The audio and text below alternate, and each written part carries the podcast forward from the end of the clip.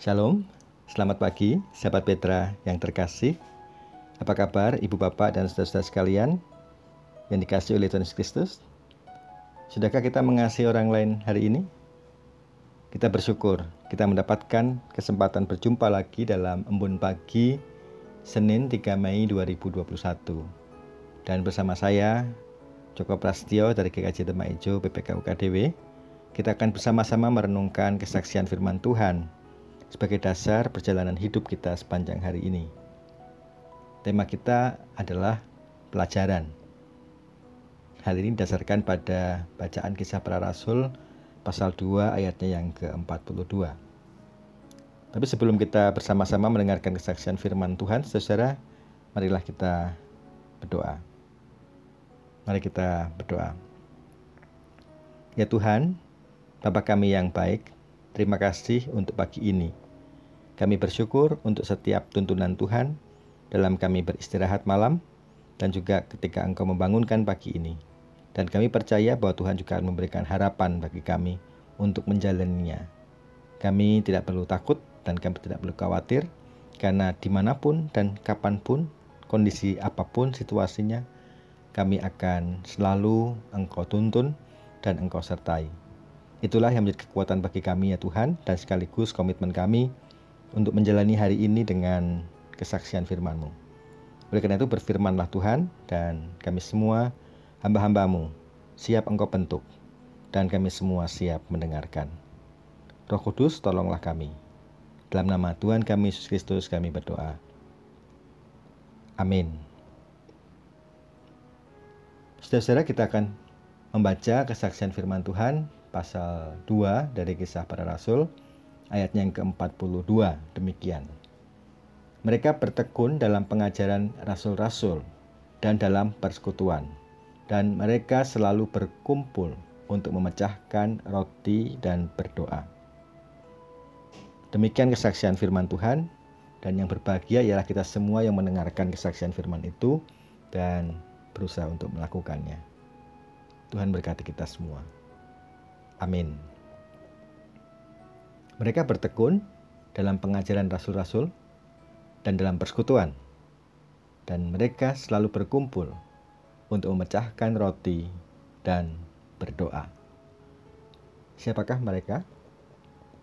Mereka ini kan orang-orang yang disebutkan sebelumnya 3000 orang yang dibaptis dan juga murid-murid Yesus sebelum peristiwa ini terjadi.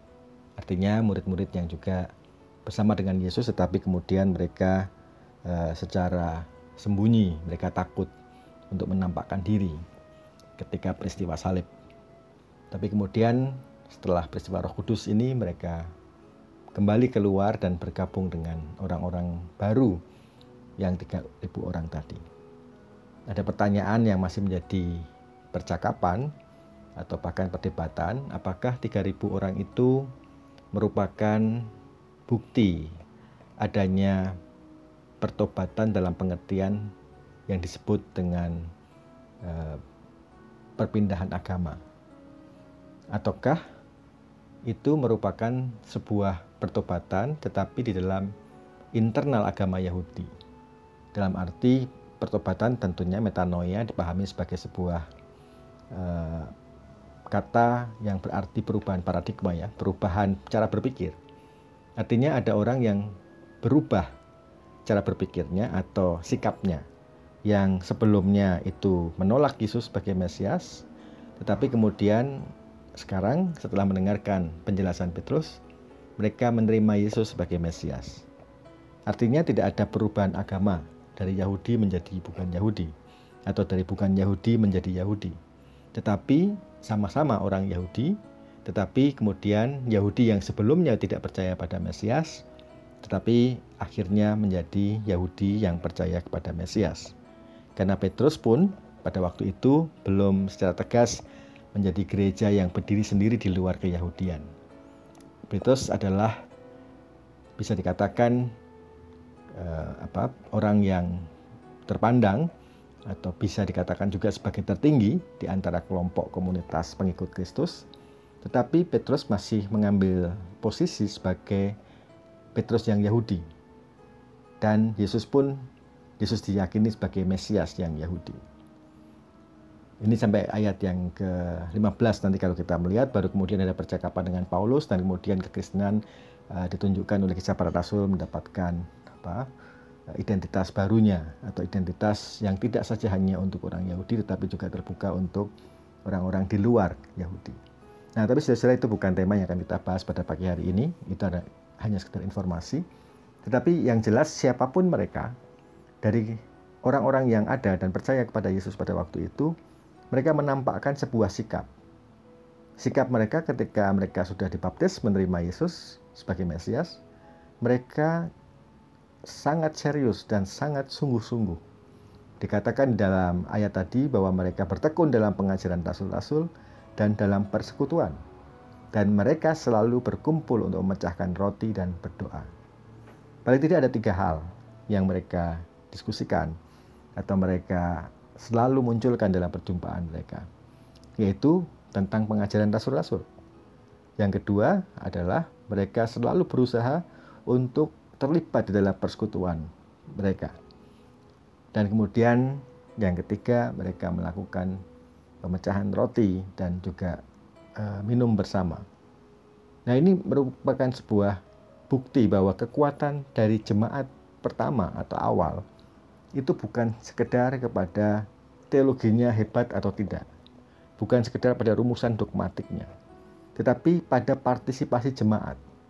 Ketika jemaat menyadari tentang siapa itu Mesias, maka jemaat kemudian melakukan sebuah respon positif bagaimana mengikut Mesias.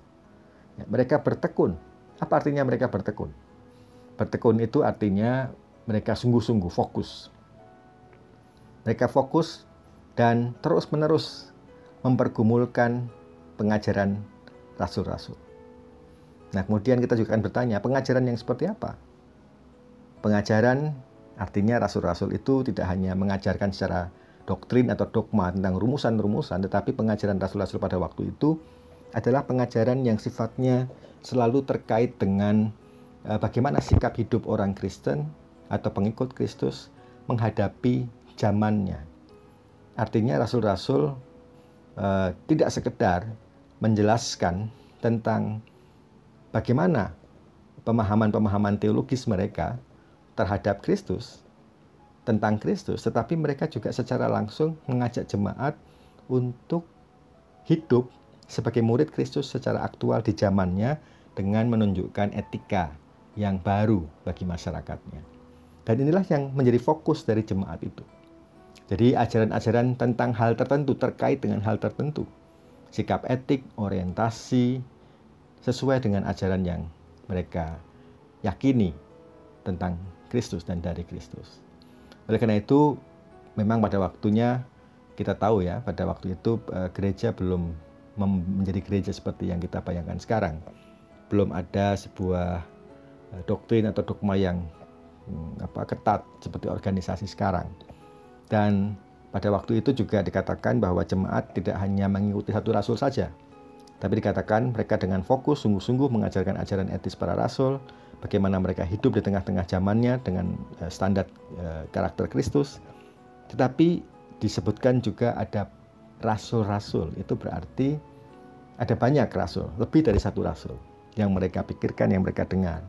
Ada pluralitas, ada kemajemukan, ada kelebihan jumlah lebih dari satu maksud saya. Artinya begini saudara-saudara, mereka secara sadar bahwa di dalam komunitas ini ada perbedaan dan itu yang mereka gumulkan bersama. Artinya kalau saya boleh secara pribadi membayangkan jemaat itu menghadapi konteks, jemaat itu kemudian memiliki keprihatinan terhadap konteks, mereka mendengarkan ajaran rasul-rasul dari beberapa rasul yang mereka dengar, plural, jamak, tetapi kemudian mereka tidak sekedar membentur-benturkan, tetapi mereka merenungkan bersama-sama. Sehingga ketika mereka belajar dari para rasul, para rasul pun belajar dari mereka. Dan itu terbukti dalam pemahaman-pemahaman yang muncul. Kalau kita belajar teologi di abad-abad awal, bahwa ternyata para rasul pun bisa berkembang teologinya dari siapa? Dari pengalaman mereka bersama dengan jemaat. Sehingga pengajaran rasul-rasul ini bukan sekedar pengajaran yang sifatnya top down, tapi pelajaran yang sifatnya bersama dengan jemaat sebagai sebuah komunitas. Bahkan dikatakan nanti mereka tetap menjaga bahwa mereka adalah satu persekutuan. Mereka memecahkan roti dan mereka berdoa. Itu artinya secara spiritual maupun secara sosial, secara agama maupun secara apa eh, bentuk-bentuk eh, yang bisa mereka kerjakan kesehariannya, mereka berusaha untuk eh, melakukan hal yang konkret. Jadi ajaran Rasul tidak hanya mereka pelajari sebagai sebuah ajaran yang diamini dan diyakini, tapi ajaran yang diperbuat dan dikerjakan dengan melibatkan diri, berpartisipasi kepada persekutuan mereka, caring, helping, dan juga uh, selalu uh, siap untuk memberikan dirinya memenuhi kebutuhan bagi sesamanya yang lain, khususnya untuk yang anggota persekutuan.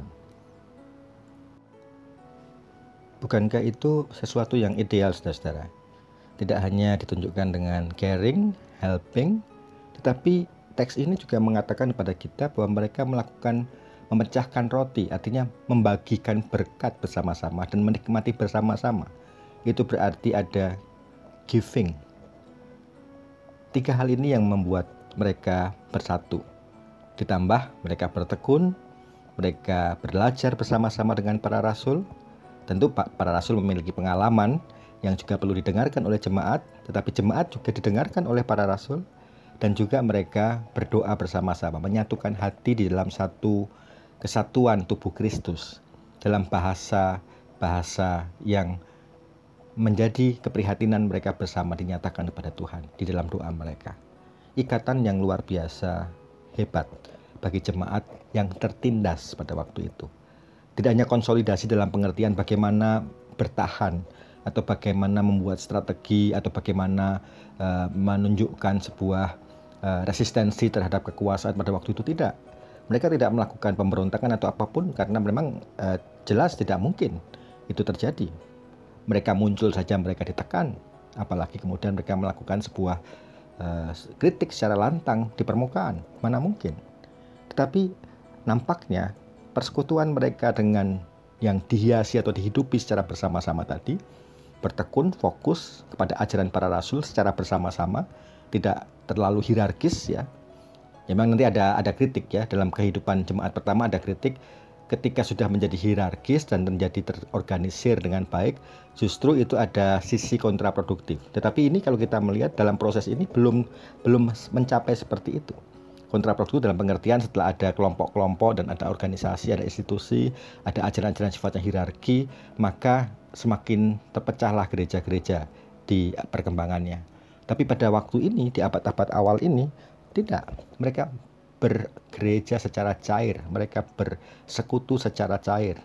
Bahkan pemimpin mereka pun mau mendengarkan apa yang menjadi aspirasi jemaat menjadi sangat cair. Begitu juga dengan jemaat. Mereka juga mendengarkan pemimpinnya dengan sangat cair dan saling berpartisipasi untuk mengingatkan dan untuk memberikan bantuan. Ingat tiga hal tadi. Mereka melakukan aktivitas bersekutu, di dalamnya ada kesatuan hati, di dalamnya ada keseriusan, ada kesungguhan, tapi juga ada karakteristik caring, helping, dan giving. Memperhatikan, saling memperhatikan satu dengan yang lain, saling menolong satu dengan yang lain, dan juga saling memberi satu dengan yang lain. Ada empati yang dilanjutkan dengan sebuah cara mengatasi kesulitan-kesulitan. Artinya ada solusi. Bukankah ini luar biasa? Juga kalau kita terapkan sekarang. Jujur secara kalau mungkin kita melihat di dalam kehidupan beragama saat ini ataupun kehidupan kita bergereja saat ini, sering kali kita terjebak kepada sebuah debat dogmatik. Sebuah debat untuk menjelaskan atau untuk mengkonfrontasikan gagasan-gagasan baik yang ada di dalam maupun di luar kita yang berbeda-beda. Ya, mungkin untuk sebagian orang atau untuk kita barangkali itu juga diperlukan ya. Karena yang namanya komunikasi selalu harus ada uh, dalam tanda kutip berbantahan atau diskusi supaya kita bisa mencari pengertian yang lebih jauh lagi. Tapi kalau kita terjebak hanya kepada perbantahan-perbantahan saja, apalagi kemudian pembedaan-pembedaan kemudian ujung-ujungnya mencari kebenaran. Dalam pengertian bukan mencari kebenaran menundukkan diri pada kebenaran. Karena sering kali uh, yang terjadi bukan mencari kebenaran dalam arti itu tapi mencari, kebenaran dirinya sendiri. Artinya kalau bahasa Jawa itu rebut benar. Nah ini yang menjadi sulit.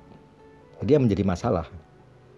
Nggak mungkin tidak ada yang berbeda pasti ada. Rasul-rasul pun berbeda satu dengan yang lain. Nanti setelah cerita ini kita akan mendengarkan bagaimana ada rasul-rasul Paulus Petrus Barnabas itu pun juga berbeda. Belum lagi dengan yang kalau kita melihat dalam tradisi yang mungkin tidak disebut dalam teks ada perbedaan-perbedaan teologi. Itu tidak terhindarkan jelas. Di antara kita yang mendengarkan ini pun saya yakin tidak semuanya sama teologinya. Cara hidup Kristennya juga belum tentu semuanya melakukan tradisi yang sama. Pasti tidak tidak sama tradisinya. Kita terdiri dari berbagai macam tradisi, dari macam denominasi, interpretasi teologi. Tetapi saudara, bukankah Kristus sudah menyatukan kita di dalam kesatuan tubuhnya dan darahnya di kayu salib? Itu artinya inilah yang menjadi komitmen kita untuk menyatakan diri bahwa kita sama-sama di komunitas ini. Artinya, kita harus memiliki sebuah kesiapan untuk menerima perbedaan selama karakteristik tadi ya eh, tubuh Kristus itu yang kita yakini dalam tiga hal tadi caring, helping dan juga eh, giving itu kita lakukan dan Kristus tidak hanya mengajak kita untuk memperhatikan orang yang di dalam, tapi Kristus juga mengajak kita untuk memperhatikan orang-orang di luar kita. Itu artinya kalau ini menjadi sebuah karakter kebiasaan bagi kita, apalagi ditunjukkan di dalam lingkup kecil kita, caring, helping, dan giving, ya, memperhatikan, menolong, dan rela memberi, maka bukankah itu menjadi sebuah kesaksian yang luar biasa. Artinya pengajaran itu kemudian menjadi pengajaran yang teraplikasikan dan terimplementasikan. Dapat diterapkan dan dapat ditindaklanjuti untuk hal-hal yang lain yang lebih jauh. Dan kalau kita melihat, bukankah nanti pada masa-masa uh, selanjutnya, di pasal-pasal berikutnya, akan disebutkan tentang bagaimana para rasul ini kemudian uh, mendapat masukan untuk tidak hanya fokus pada pengajaran yang sifatnya verbal, khotbah, tetapi harus juga sampai kepada sebuah aktivitas bersama pelayanan meja sehingga mereka membentuk orang-orang yang e, melayani meja atau melayani orang-orang yang miskin, orang-orang yang membutuhkan dan orang-orang yang memerlukan uh, pertolongan. Nah, ini perlu bagi kita sebagai gereja dan jemaat Tuhan. Karena apa gunanya kita bertekun di dalam ajaran-ajaran yang kompleks dan rumit, dogmatik, runtut, dan juga doktrinnya juga ketat, tapi kenyataan caring, helping, dan givingnya tidak ada. Bukankah itu akan menjadi bumerang dan itu akan menjadi tamparan juga bagi kita. Nah oleh karena itu saudara marilah kita kembali untuk melihat apa yang seharusnya menjadi panggilan kita saat ini. Kita tidak dipanggil hanya untuk berbicara, tapi kita dipanggil dan kita harus belajar dari yang lain yang berbeda. Dan kita harus mendengarkan mengapa mereka berbeda, mengapa ada ajaran-ajaran yang berbeda, mengapa ada konteks, situasi, jawaban, solusi, dan juga bahkan program-program yang berbeda. Mengapa gereja yang satu menerapkan ini dan gereja yang lain menerapkan itu. Tentu kita bisa berbantah, kita bisa berdiskusi, kita bisa melakukan banyak wacana terkait dengan semua itu.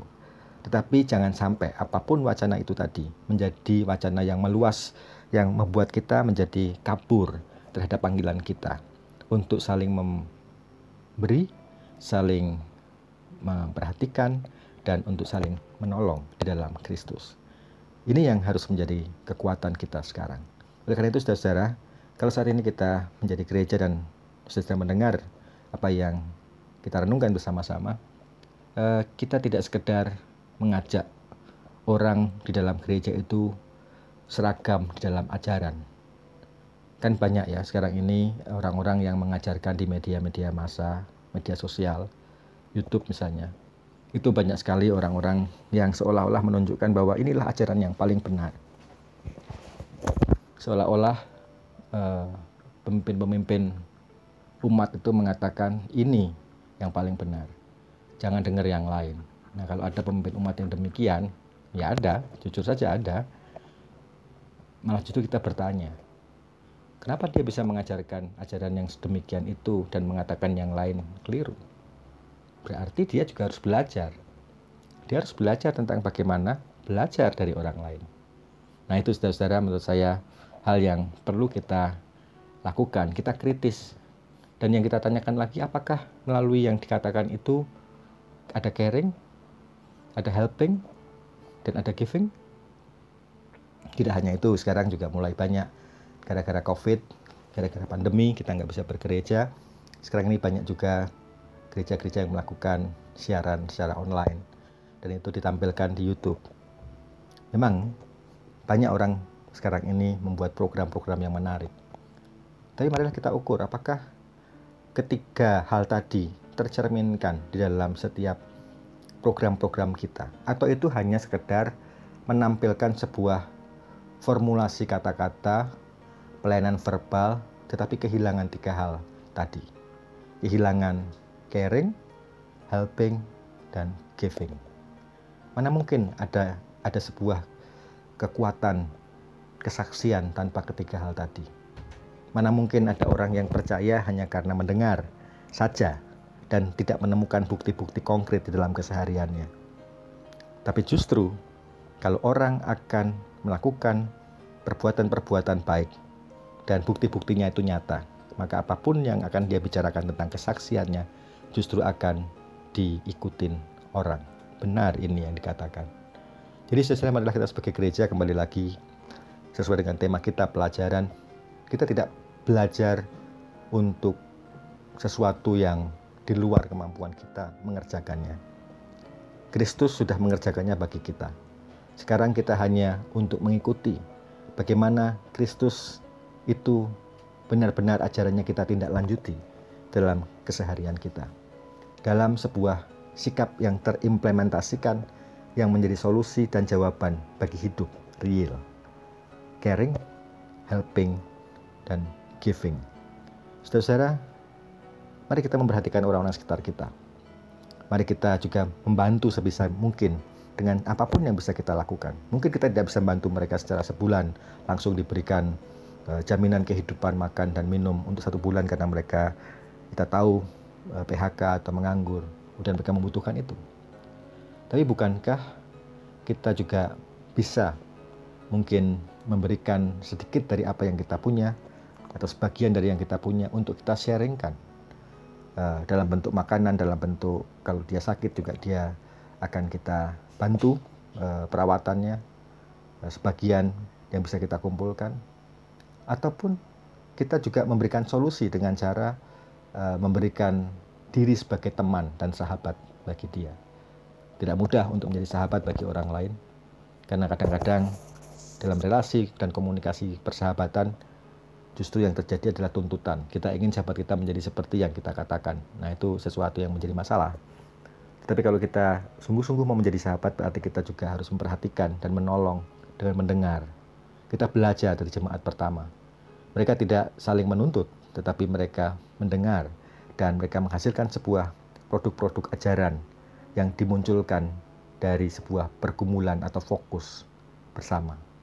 Yang kemudian ketika mereka uh, melakukan sebuah kesepakatan ajaran, mereka melakukannya dalam tindakan. Secara ini yang perlu kita jadikan perenungan kita dan biarlah kita melanjutkan kehidupan ini dengan sejahtera dengan menunjukkan sebuah uh, proses di mana kita terus-menerus belajar memang belajar tentang kehidupan belajar bersama para senior guru-guru kita belajar dengan anak-anak kita belajar dengan teman-teman kita, belajar bahkan dengan orang-orang yang berbeda agama dari kita, berbeda budaya dari kita, berbeda pengalaman hidup dari kita. Dan kemudian kita fokus, kita kerjakan, kita kemas, sehingga apa yang hasil yang kita pelajari tadi, kemudian bisa kita gunakan untuk memperhatikan orang, untuk membantu orang, dan untuk memberikan yang dibutuhkan oleh orang lain secara tepat. Waktu ini, saudara, menjadi waktu yang sangat penting bagi kita untuk menunjukkan bukan hanya bagaimana kita bertahan, tapi juga menunjukkan bagaimana kita selalu belajar di dalam Kristus untuk bermanfaat dan membahagiakan orang lain. Tuhan memberkati saudara-saudara. Amin. Marilah kita berdoa. Ya Tuhan, terima kasih untuk berkat-Mu dan terima kasih atas penyertaan-Mu dalam perenungan kami. Kalau kami akan melanjutkan dengan aktivitas kami dan pekerjaan-pekerjaan kami, kami juga mohon penyertaan kepada Tuhan. Tolonglah kami ya Tuhan, berilah juga kami senantiasa kekuatan dan kesehatan dan pemulihan dan semua yang kami lakukan bolehlah hanya seturut dan atas kehendak-Mu semata. Ampunilah kami akan segala dosa dan kesalahan kami. Dalam nama Tuhan kami Yesus Kristus kami berdoa. Amin. Sahabat Petra, demikianlah embun pagi kita hari ini. Kiranya sabda Tuhan memberikan hikmat, kekuatan, dan penghiburan bagi kita untuk melewati sepanjang hari. Saya, Joko Prastyo dari GKJ Tema Ijo, mohon diri dan juga mohon maaf bila ada kata-kata yang kurang berkenan. Sahabat Petra, selamat mengasihi orang lain hari ini. Tuhan Yesus memberkati.